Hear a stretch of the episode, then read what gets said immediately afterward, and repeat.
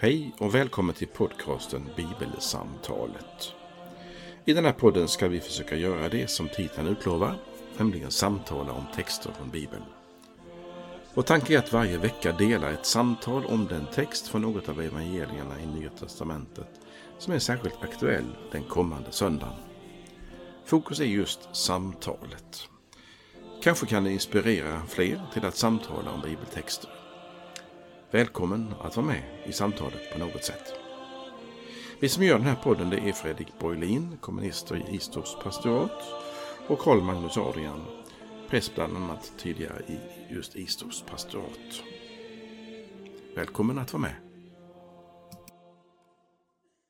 Vårt bibelsamtal idag tar sin utgångspunkt i den helgen som där helgdagarna både heter Alla helgons dag och söndagen efter Alla helgons dag. Också känd lördag. som, Vad sa du? också känd som Alla själars Ja, ja, dag. själasdag. Okej. Tack för det. Eh, Men det blir framförallt med utgångspunkt från en text som finns på Alla själars dag eller söndagen efter Alla helgons dag. Och där är rubriken Vårt evighetshopp som jag kommer att återvända till om en stund. Jag läser först evangelietexten från Lukas 20 från 37. Jesus sa att de döda uppstår har också Mose visat istället om törnbusken, där han kallar Herren för Abrahams Gud och Isaks Gud och Jakobs Gud. Gud är inte en Gud för döda, utan för levande, ty för honom är alla levande. Så lyder det heliga evangeliet. Lovad vare du Kristus. Det den här texten tar upp, eh, återvänder till strax, eh, det som episten tar upp, som jag inte läser nu, det handlar om hoppet. Det vill säga att titta framåt. Det är också en viktig del av temat den här helgen. Eh, att vi har ett evighetshopp som inte får slockna. Eh, det allra första här, då, då får vi återvända till Andra Mosebok kapitel 3. Mm. Och eh, därför så menar jag att det inte handlar om någon, något sammanhang i Lukas. Utan det handlar om att Jesus anknyter till en text som vänder upp och ner på ganska mycket. Åtminstone tycker jag det. Mm. Vi får se vad det är som du som lyssnar håller med eller inte. Det är så här, att den texten som Jesus utgår ifrån, det står, den står i Andra Mosebok kapitel 3. Det är Mose, den gamle 80-åringen, som har nåtts av en kallelse, eller nås nu av en kallelse av Gud, att bli ledare för en befrielse ut ur Egypten. Vi befinner oss ungefär 1200-1300 före, drygt före Kristus. Eh, folket Israel har varit i fångenskap i Egypten under kanske 400 år. Och eh, de har det eländigt jobbigt där. Och nu vill Gud befria dem och därför kallar han på Mose. Och det är inte det alls som Jesus tar fasta på just Mose kallelse. Nej. Utan en liten detalj i den Mm. berättelsen. För där frågar ju Mose bland annat, alltså i Andra Mosebok 3, Mm. om vem Gud är. För han känner ju inte Gud. Han har en mycket dimmig uppfattning om vem Gud är. Mm. Och då presenterar Gud sig, och det är det som vår, vår text tar, sakta på, tar fasta på idag. Eh, Gud säger så här. Jag är din faders Gud, Abrahams Gud, Isaks Gud och Jakobs Gud. Alltså, på vanlig svenska. När Gud presenterar sig så säger han till Mose. Du, du hade ju gamla släktingar. Abraham, Isak och Jakob. Ja, skulle Mose sagt. De har jag hört talas om. Min mamma, som tillika var min amma. När jag uppväxt upp hos farao, hon berättade ju de här historierna om Abraham, Isak och Jakob. Och det var fantastiska historier ju. Oj, oj, oj. Det var mäktigt att Gud kallade dem till sig som sitt som ett folk. Och jag tillhör det här folket ju. Jag är ju jude, jag är ju hebreer som dem. Ja, säger Gud nu när han presenterar sig för Mose. Jag är den Gud som uppenbarade mig även för Abraham och för Isak och Jakob. Aha! Alltså, du är den som Abraham berättade om? Ja. Och du är den som Isak Jakob också berättade om? Ja. Vad intressant. Och då skulle en svensk som Karl Magnus säga Jaha, det vill säga, de mötte också Gud. Säger Jesus, det är inte konsekvensen av det jag vill berätta.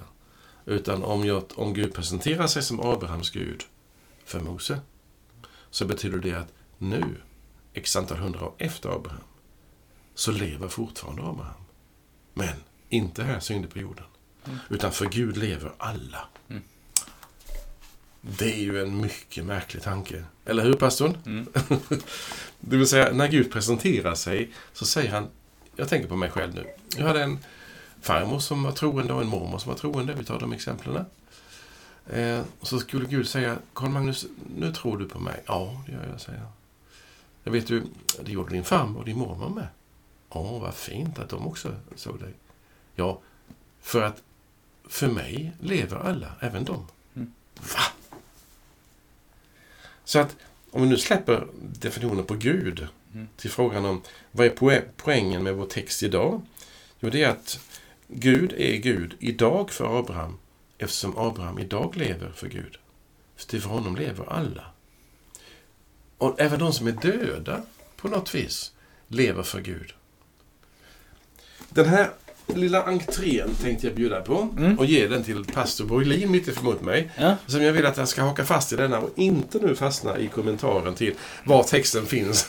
utan detta att Gud presenterar sig som Gud för levande, som vi säger är döda. Den bollen ger jag dig. Och då tänker jag att man kan dra två slutsatser. Oj, vad snabbt. Av det sammanhanget. Antingen så finns då Abraham, Isak och Jakob. Alternativt din mormor och farmor, om det är okej att jag mm. återanvänder det exemplet. Antingen så finns de i evigheten hos Gud. Det vill säga de har gått ur tiden som vi säger och mm. finns i evigheten hos Gud. Där de lever. Mm. Det är det ena. Eh, den ena slutsatsen man kan dra. Eller och eller. Så, så att säga för dig, Carl Magnus, pekar jag på Carl Magnus här. Det är fult att peka men ja. För dig Carl Magnus. Så är eh, din farmor och din mormor döda. Absolut. Eh, för du har egentligen bara tillgång till klockan 16.51.09 10, 11, måndagen den och den. Alltså, du har bara tillgång till nuet. Amen. Eh, men om, om, om alla är levande för Gud skulle det också kunna innebära att Gud har tillgång till varje millisekund av historien. Det är ju lite mer filosofisk approach. Ja, ja. Och, och, eh, med, med, med den, så att säga, det vill säga, Gud har tillgång till den, han är här över både rymd och tid. Han har tillgång till all tid då din mormor och farmor var levande. Ja. Eh, och det, det är så att säga det är inte sagt för att på något sätt säga vad jag försöker in, det vill jag bara vara tydlig också med, med, med lyssnaren. Eh, jag framför inte den här synpunkten för att på något sätt skjuta evigheten i sank. Liksom, eller det finns ingen evig tillvaro. Jo, absolut, det gör det. Eh, men, men så att säga, man kan också man kan också se det från det hållet att Gud har omedelbar tillgång till all tid. Han har tillgång till en tid som inte du och jag har. Jag har inte heller tillgång till min mormor och farmor eftersom de inte lever längre. Eh, men Gud har det. Han är här över rymd och tid. Mm, mm.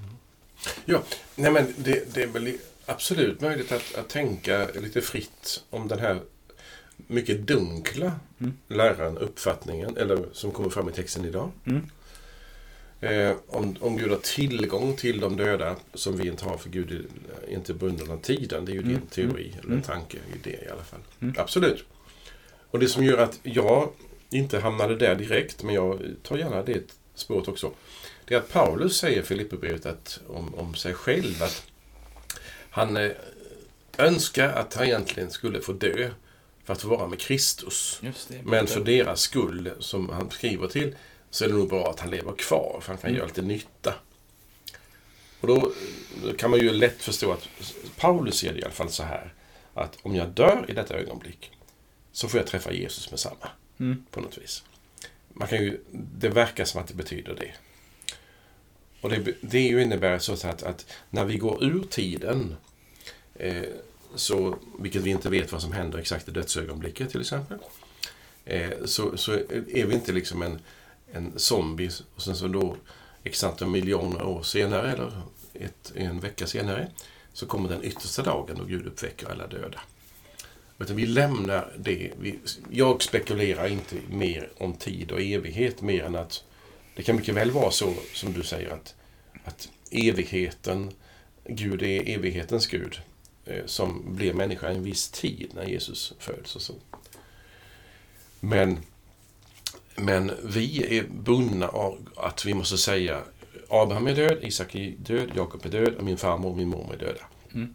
Punkt. Vi gör inte mer av det. Men när Gud presenterar sig för Mose, menar Jesus, så säger Gud i det han har sagt att jag är levande, en Gud för levande. Mm. Och för honom lever alla. Mm. Eh, det måste ju innebära på något sätt att eh, det här med, med vår tid och Guds evighet. Ja, vi, vi förstår oss inte på det. Men detta att få komma hem, som en del säger när man får dö, man kommer hem. Då kommer man någonstans dit man längtar och då kommer hoppet med evigheten, vilket vi kan ta om en stund. Men jag tycker det är intressant med din tanke därför att vi, vi, kan inte först, vi vet inte hur vi ska förstå Jesu ord i textens avslut ju. Mm. Till från och med alla levande på ett annat sätt. Mm. Än att lever de i en sorts relation. Mm. Och om det nu finns en dubbel utgång i detta livet. Mm. I Lukas 19 så talar Jesus om den, den rike mannen och den fattige Lazarus. Mm. Och bägge två dör. Och Lazarus kommer till ett ställe som kallas för Abrahams sida ungefär. Mm. Och den rike mannen kommer till ett ställe där det är plågsamt att vara. Mm. Och det sker ju i den berättelsen, eller Mm. liknelsen, omedelbart tycks det vara. Eller Mm. så är det en berättelse som Mm. tydliggör. Alltså det finns ju någonting i berättelsen där den som lyssnar tänker att bägge två dog och bägge två fick direkt ett medvetande i den andra existensen som vi inte känner till så mycket. Mm. Det var redan en sorts uppdelning. Mm. Och då finns ju den teorin in i kyrkans historia att det finns efter döden en förberedelse till den dubbla utgången med himmel och helvete. Eh, men vi får vara otroligt försiktiga med detta, ty Mm. tycker jag. Därför att Mm. det är, så, det är så lätt Mm. att man har liksom dömt den ena dit och den andra dit. Så att, nej, jag aktar mig mycket för detta. Mm. Men i alla fall, Mm. Pauli gjorde Filipperbrevet att jag önsk, ja, om jag fick dö Mm. så fick jag vara hos Jesus. Mm. Det tycker jag är en content, det är liksom, där, där hamnar jag till slut när jag kommer till den här Mm. texten. Att Mm. Paulus ser ju det att döden som för er är att ni förlorar mig, det är för mig en vinst, för jag, jag får vara Mm. hos Jesus. Ja men precis, jag tror att vad, för man, kan, man kan tänka så här, det finns mycket inom, om man tänker så här, det finns mer inom den, vad ska vi säga, inom den kristna kulturen så finns det mycket mer föreställningar som kan verka väldigt färdiga och klara jämfört med i, i Guds ord. Om, alltså det, det finns mycket föreställningar och vi kan, Ja, så här, vi kan tänka på, nu har jag inte läst den i sin helhet, men vi kan tänka på eh, Dantes Den gudomliga komedin. Mhm. Och hur mycket av, alltså, som har otroligt målande beskrivningar av, av, av eh, helvetet och olika stadier hit och Mhm. dit. Och, och alltså, eh, och, och liksom så här, ja men det är ju hans roman. Eller alltså, förstår det är hans diktverk och det finns, jag menar, eh, man, man, man kan säga så här, vad kan man, jag tar ett helt annat exempel.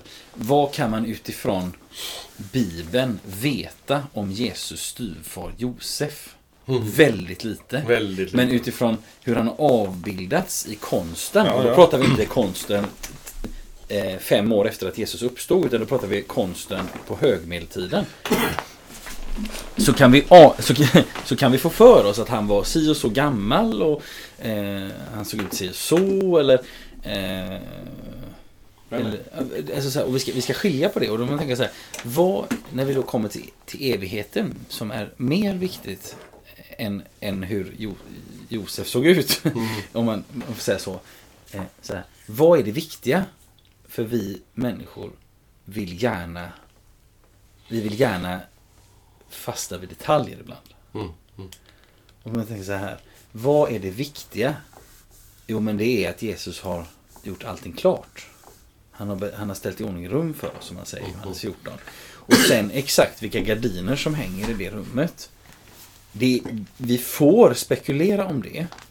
Eh, vi får hoppas att, åh, tänk om det är sådana här lila sammetsgardiner. ja, ja. Men det, vi, vi ska inte spekulera vid det så mycket så att vi liksom glömmer bort själva huvudsaken. Alltså det är som om jag skulle säga, Karl Magnus, välkommen hem till mig på fredag kväll. Mm. När du kommer klockan 18.30 så kommer allt vara iordningställt. Mm. Och då skulle du kunna undra, men vad, vad får vi att äta? Och, vad, vad, vilka kommer vara där? Och, och, och vilka har han bjudit? Och kommer alla komma? Och, och så vidare. Ja, fast det är, det är inte poängen. Det är inte poängen. Alltså, poängen är att jag har ställt i ordning. Poängen är att Jesus har ställt i ordning. Han har ordnat allt. Jag tycker det är väldigt bra, jag får gärna, vill gärna kommentera det att eh, när, vi, när vi tänker på bibeltexter som är tydliga Ja. eh, så är vi tydliga. Mm. När vi tänker på bibeltexter som är otydliga så kan vi antingen säga nej, den bryr jag mig inte om. Mm. Eller så kan man tänka ännu har jag inte fått klarhet i dem. Nej. Alltså vi kan, vi, vi, kan förstå, vi kan naturligtvis upptäcka en självklar ödmjukhet Ja. inför bibeltexterna och inför de faktum som Mm. vi lever. Mm. Var, var, var fanns du och jag innan vi föddes? Den, den barnsliga frågan är inte barnslig. Barnets fråga. Det är ju, det är ju väldigt tycker jag, intelligent att fråga så. Mm. Eh, och då, då är vi med- medvetet ganska försiktiga Mm. och ger inte tvärsäkra svar. Nej.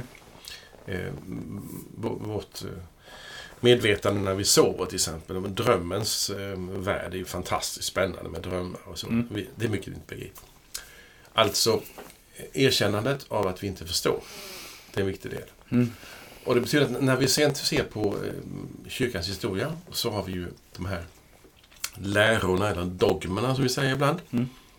Vi kan tänka på trosbekännelsen som ju Mm. är en samling av texter, väldigt komprimerat, väldigt kortfattad. Som ändå hjälper oss att få lite ska vi säga, konturer, lite tydlighet om Mm. Gud och Jes Fader, Gud Son och Gud Ande. Det är väldigt bra med de texterna som, som, som hjälper oss med detta. Eh, och då är dessa lärosatser eller dogmer eh, bra. Och då är det så här, tycker jag, att, att de här fyrkantiga eh, texterna, när du sa att de kan man liksom använda för att, för att se på tillvaron genom. Man kan få hjälp av en del mänskliga tankar Mm. eh, som vi inte vet så mycket om. Men omedelbart när man gör det så kan man tänka, detta är ett försök Mm. att sammanfatta. Eh, ta till exempel ordet treenighet. Det finns inte i Bibeln.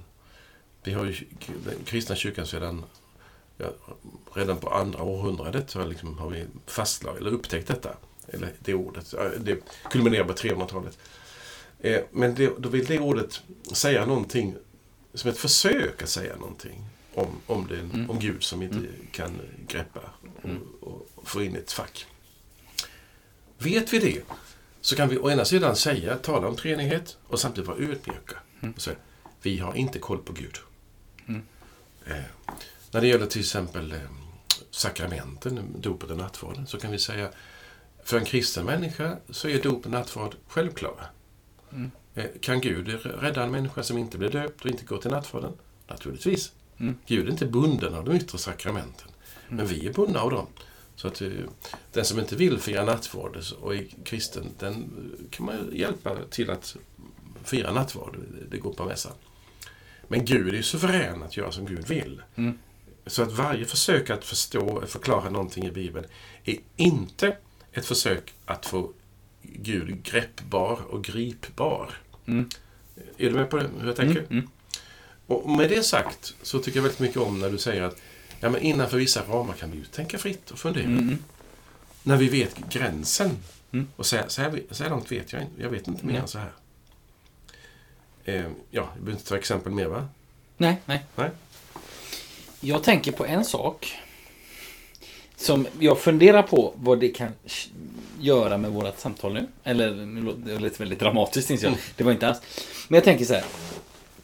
Jesus tar upp stället med törnbusken. Och så drar han själv slutsatsen. Och det är inte jag rätt person, det är ju ingen som är rätt person att ifrågasätta det. Men han säger så här, alltså Gud är inte en Gud för döda, utan för de levande. Ty för honom är alla levande. Och då är det ju också lite intressant att ställa sig frågan, i vilket sammanhang säger han detta? Och han säger det i ett sammanhang när han diskuterar med saddukeerna. Eh, som inte tror på de dödas uppståndelse Mm. överhuvudtaget. Mm. Eh, det vill säga, säg, säg till om du håller med om detta eller inte. Eh, skjut sank. Men det vill säga, poängen med det som Jesus säger, den slutsats han drar och referatet han gör och, och det han säger om det i texten idag. Det är inte framför allt att beskriva evigheten. Utan det är att argumentera för evigheten. Med människor som inte trodde på de dödas uppståndelse överhuvudtaget. Det kan man också, det tänker jag så här. eh, För Jesus kan ju ge oss, du, du nämnde liknelsen om, om den rike mannen och Lazarus till exempel. eh, Som eh, jag tror kan hjälpa oss att, att förstå någonting av evigheten och, och, och så vidare. Men det som Jesus säger idag är ju framför allt till för att argumentera för evigheten. Får jag bara... Och då, det var det Ja, jag ville säga. ja. Och, och, det är också, och, det, det, så att säga, och här möter han ju Sadikena på deras planhalva. Eftersom han säger Mose istället om törnbusken. Det vill säga Sadukena betraktade bara de fem Moseböckerna som Mm. så att säga verkligt helig skrift. Så han går in på deras planhalva och argumenterar mot eh, Ja, det är bra. Mm. Det är bra. Eh, jag ska bara märka ett ord som du nämnde. Ja, gärna. Eh, som vi kan ta upp. Eh, när du säger att, de, att han argumenterar för evigheten. Mm. Så ska jag krångla till det. Bara för att, Välkommen. för att eh, du ska backa, eller ge mig respons. Nej, det gör han inte. Utan han argumenterar för uppståndelsen. Mm. För att evighet, att Gud är evig, Mm. är, är inget problem för saddukeerna. Mm. Alltså, Nej, just det. Nej, det är sant. Det är finns. sant. Det är väldigt sant. Utan grejen är uppståndelsen. Och det kan vi säga, för att spetsa till ännu mer, som vi har i den nicenska trobekännelsen. Och egentligen den apostoliska också, men det är väldigt tydligt, åtminstone i vissa översättningar.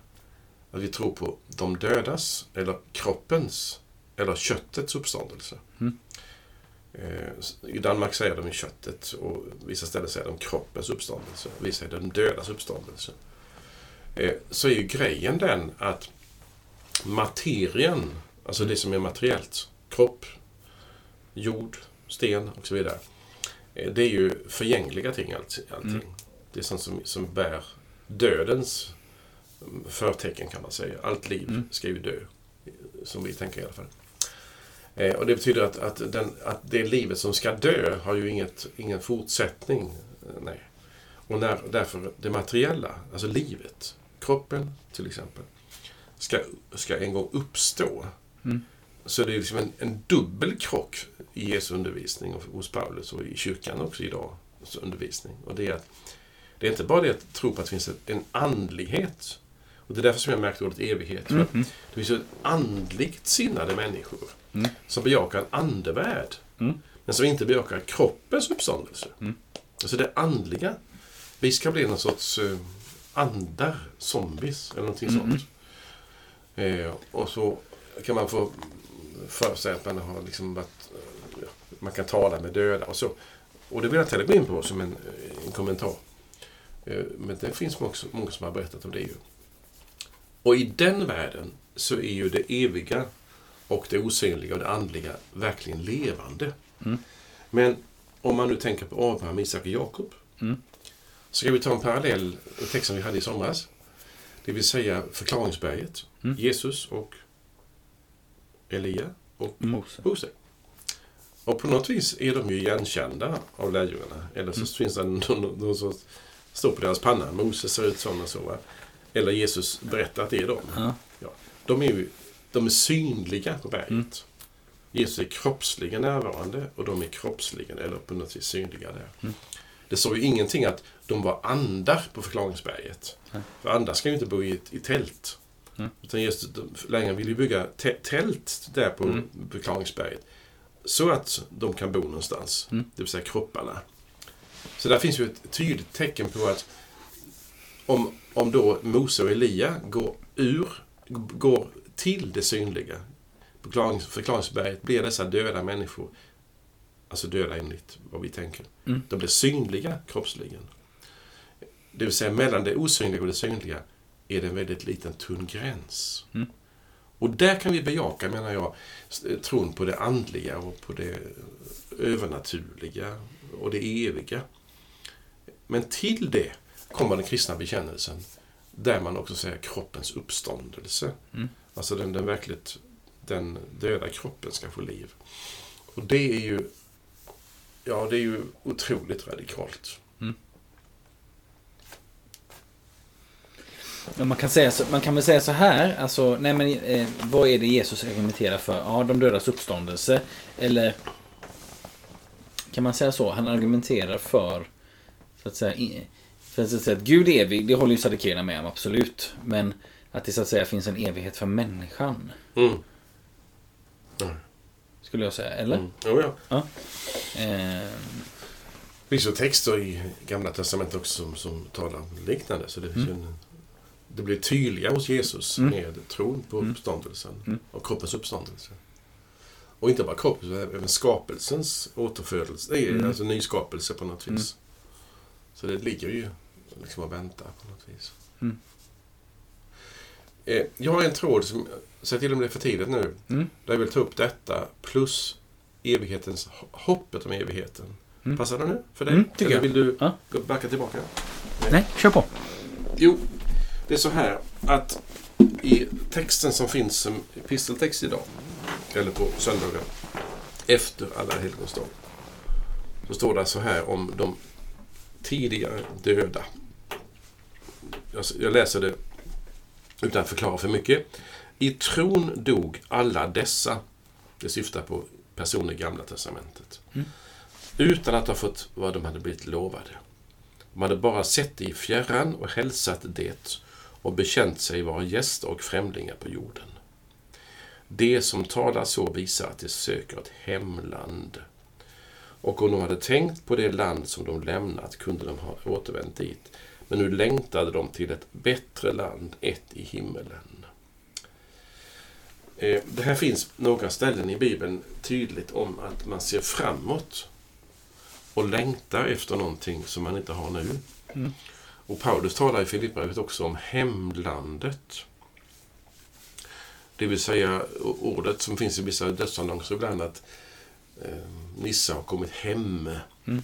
Det är ju djupt förankrat menar jag i den heliga skrift också. Att eh, hemmet det är någonting som jag kommer ifrån. Och då går jag igång som du kan ana på det här med eh, och nu, nu kommer det ju en, en tråd som du... Jag ler mot dig så att det betyder att du får gärna nyansera min bild nu.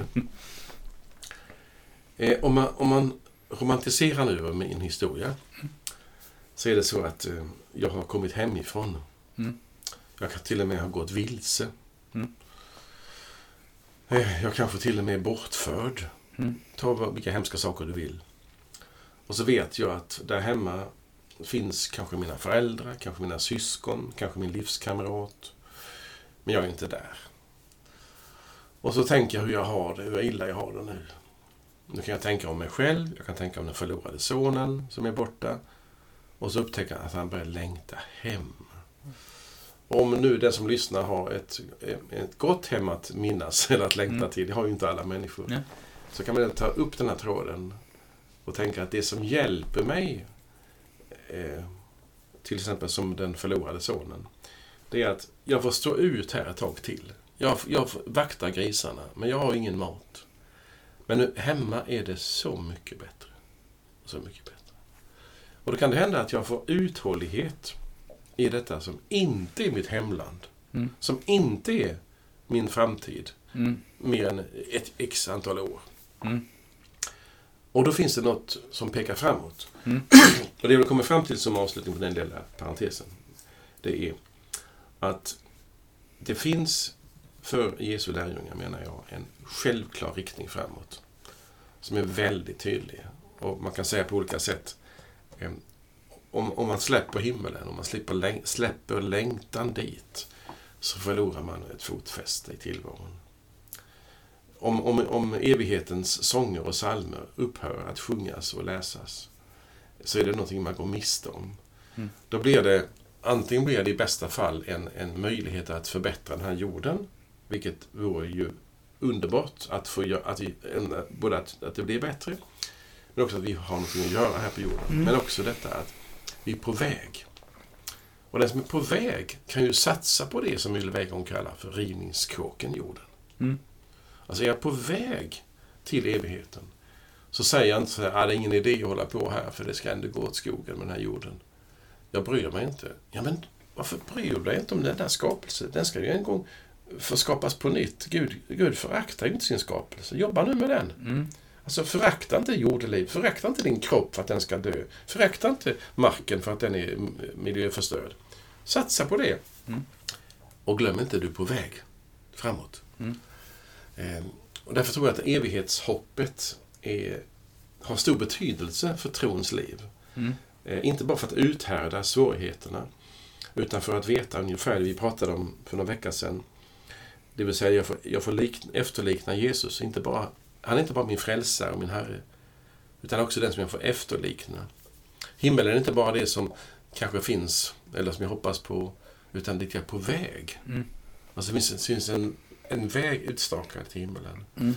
Och eh, då har vi många vänner som vi får liksom gå tillsammans med på vägen dit. Mm. Och då kan himmelen hjälpa mig på något vis att både uthärda men också att bli frimodig här på jorden och våga satsa. Därför att jag vet att jag är på väg. Och det som kommer i evigheten som vi vet så lite om, som Mm. väl är, det är att allting liv på något vis ska dö. Mm. Naturen ska på något vis dö, jag ska dö, vi ska dö. Och Gud har möjlighet, som den som är levande och för honom lever alla, att återskapa, att förnya skapelsen och att uppväcka till och med kroppen en gång. Dit är jag på väg. Och därför tycker jag det är väldigt fint med evighetshoppet. Ja, jag tycker om det. Mm. Jag kan fråga, eftersom pastorn står i församlingstjänst. Mm. Ni som lyssnar, jag kallar ibland Fredrik för pastorn, jag tycker det är roligt. Mm. Man kallar honom för goa pastorn också. Mm. Eh, en fråga till dig och till mig när jag hade fast tjänst eller kontinuerlig tjänst som präst. Hur ofta sjunger vi psalmer om himlen? Är det bara nu till helgerna? Nej, det skulle jag inte säga. Nej, det är inte. Eh, det finns ju andra... Det finns ju... Alltså det är klart att det finns några salmer som gärna sjungs. Om man tänker så här, Svenska kyrkan har en psalmbok och där finns det vissa salmer som passar väldigt bra i vissa tider. Bered en väg för Herren och Hosianna Davids son kommer oftare i advent än i, än i midsommartid. Liksom. Det eh, kanske vi inspirerar någon att riva upp den ordningen. nu. Eh, och där finns det ju lite sådär eh, allhelgona eh, som talar om himlen. Men jag tänker att det finns också andra. Det finns en väg till himmelen. Till exempel. Alltså den, den kan man sjunga vilken söndag som helst. Ja. Alltså så. Men eh, Låg det någon eh, egen åsikt i din fråga? Ja, för du sa att jag har nämligen en liten fa- psalmfavorit Ja. som jag kan ställa som en fråga till dig, Ja. den som lyssnar. Eh, ledtråden är himmelen, Mm. vägen dit Mm. och sommar. Vilken psalm tänker jag på? Himmelen, vägen dit och sommar.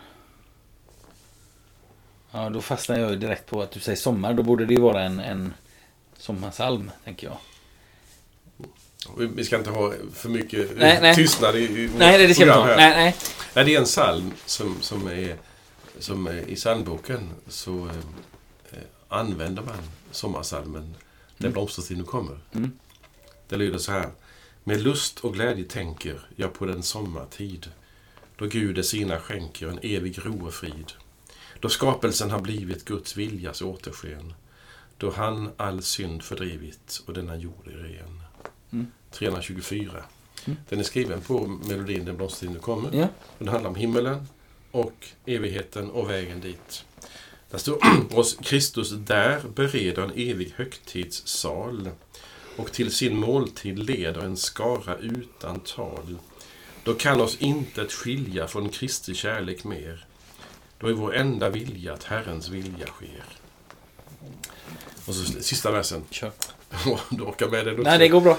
Nu vill med fröjd jag sluta mitt hjärtas sommarsång. Jag vet att Gud skall byta i frihet allt mitt tvång. Sin nåd ska han bevisa när utan sorg och brist för evigt jag får prisa och tjäna Jesus Krist. Mm. Ja. Mm. Den, den, det hoppet.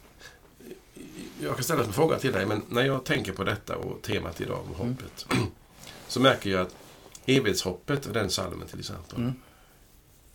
Det som den ger mig omedelbart, Mm. det är glädje. Mm.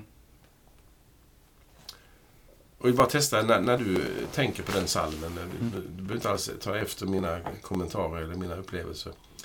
Men när man tänker på evigheten så det finns ju kristna som har berättat att ja, på allhelgona till exempel så det är så fint. Då tänker jag på att det finns en himmel för min farmor och min mormor. och så. Mm. Jag är kanske på väg dit också. Men frågan är, fyller den, har den någon betydelse för mitt nu? Mm. Eller är det liksom någon framtidsvision? Mm. Någon sorts, eh, icke troende skulle säga någon utopi eller någonting sånt? Eller vad, vad, vad ger den oss för någonting? Mm. Hoppet. Det, det, förstår du min fråga? Mm, jag tänker på det som du läste ifrån eh, eh, från episteltexten. Mm. Eh, så står det så här. Eh, I tro dog alla dessa utan att ha fått vad de hade blivit lovade. De hade bara sett det i fjärran och hälsat det och bekänt sig vara gäster och främlingar på jorden. Och, och då tänker jag så här. Paulus han säger någon gång så här, vem hoppas på det han redan ser? Mm. Alltså det ligger någonting i att det vi hoppas på har vi inte sett. Just det. Alltså jag, jag hoppas inte på att få lön den 25 om lönen redan har kommit in på kontot ungefär. Alltså för att ta en vardaglig bild. Eh, Utan eh, det kan jag möjligtvis göra natten mellan den 24 och den 25 innan betalningen sker. Eh, Och evighetshoppet handlar, alltså det det är både den här glädjeaspekten som du säger och som gör någonting med mitt nu också. Det påverkar mig nu. Eh, hoppet gör någonting med den som hoppas. Men så talar Hebreerbrevet, episteltexten som jag läser precis, om att vara gäster och främlingar. Och då tänker jag så här. Om jag spinner lite runt om orden. Att vara gäst någonstans. Det kan vara jättehärligt. Jag har ju varit gäster hos människor och i sammanhang som varit, ja det har varit jättetrevligt. En trevlig middag eller vad som helst. Det, det tror jag många kan känna igen sig att man har någon gång varit gäst hos någon och det har varit positivt. Mm. Alla människor har också upplevt hur det är att vara en främling. Mm. Man kan ju ha, det kan ju vara precis samma tillfälle. Jag kan ju sitta på en jättetrevlig sammankomst och uppleva mig vara en väl trakterad gäst. Mhm. Men du, Carl Magnus, känner dig som en främling Ja, ja. dessa människor som Mm, sitter här. mm. Och, och, och, och så går vi på en annan middag och så känner vi precis tvärtom. Ja. Alltså så. Och det vill säga att Bibeln talar om detta att i, i världen så kan jag vara både gäst och främling. Mm. Och det, det är fint att Bibeln, att ordet bejakar det. Att ibland känner jag mig i den här världen som en, som en gäst och som en mycket vältrakterad gäst. Jag Mm. kan må jättebra. Jag njuter av allt det goda. Jag tittar ut här nu. Vi ligger några veckor före min inspelning så det är väldigt grönt ute fortfarande. Mm. Eh, I, I trädgård här och så.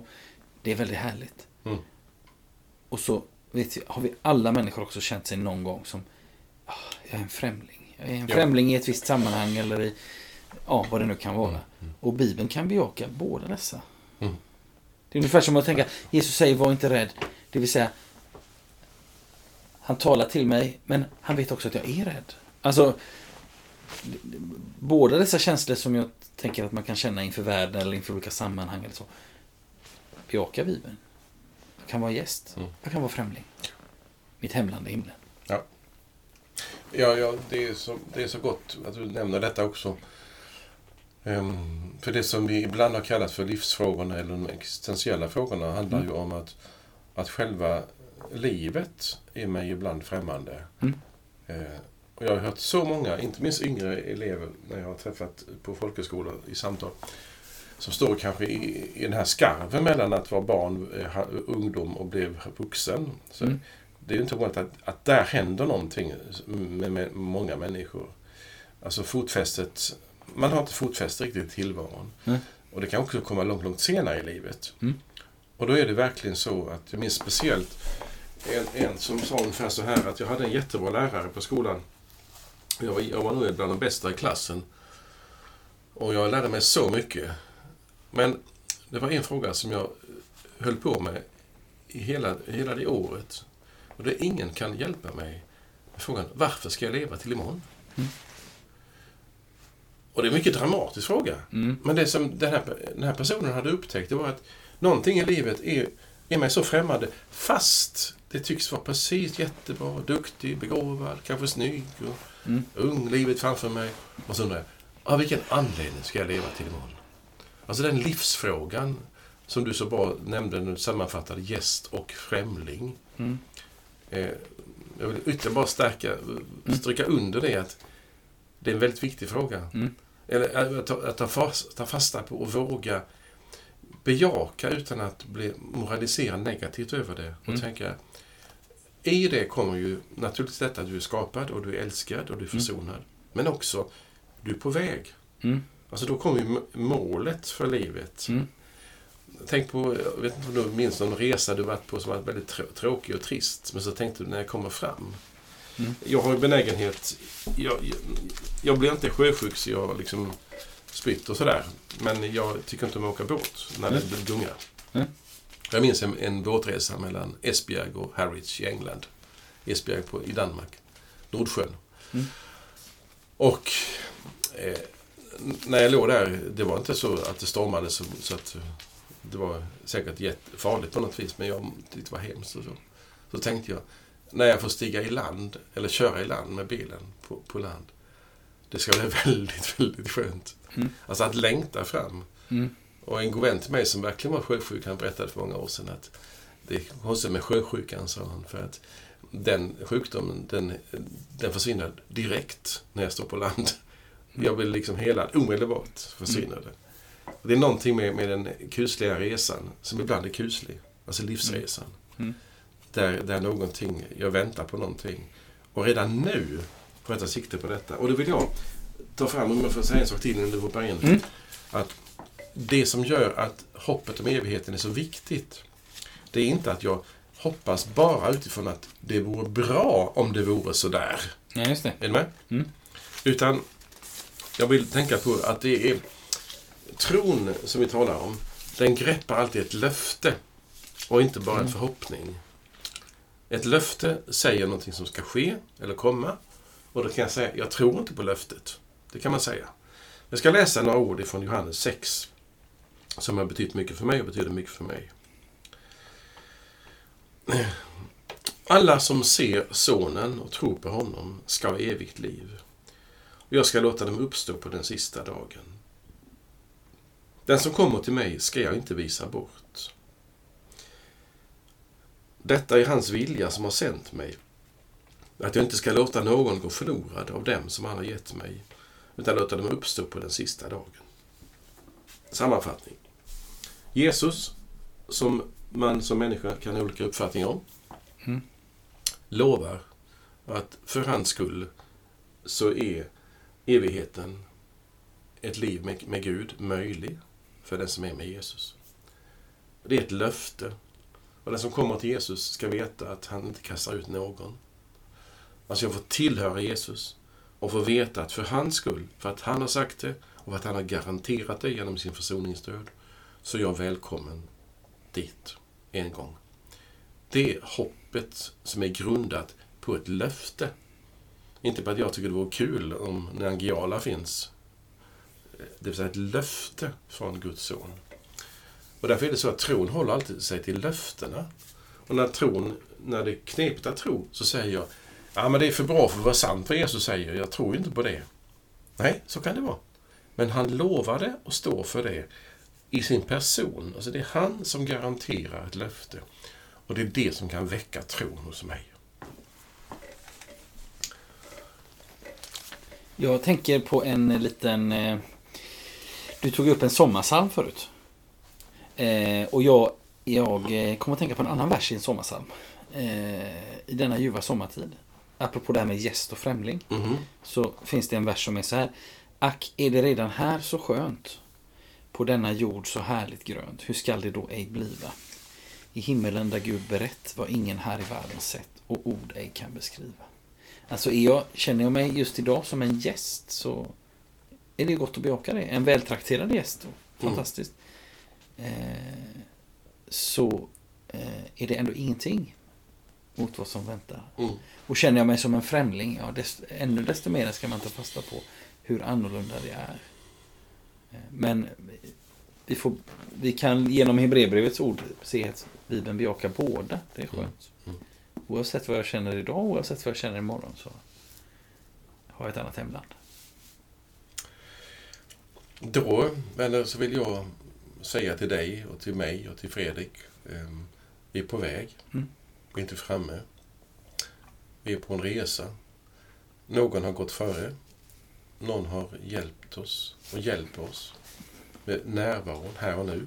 Han sviker oss aldrig. Och en gång vid liv, vårt livs slut så säger han till och med döden har jag varit, säger han. Mm. Jag har gått, gått igenom döden så att den behöver du inte heller vara rädd för.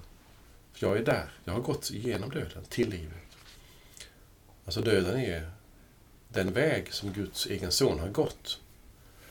Och det kan också göra att jag vågar tänka framåt Mm. till evigheten. Ja, tack för detta samtal. Hoppas att du som lyssnar också fortsätter det. Vi vill önska dig allt gott och Guds välsignelse. Hej då! Hej då!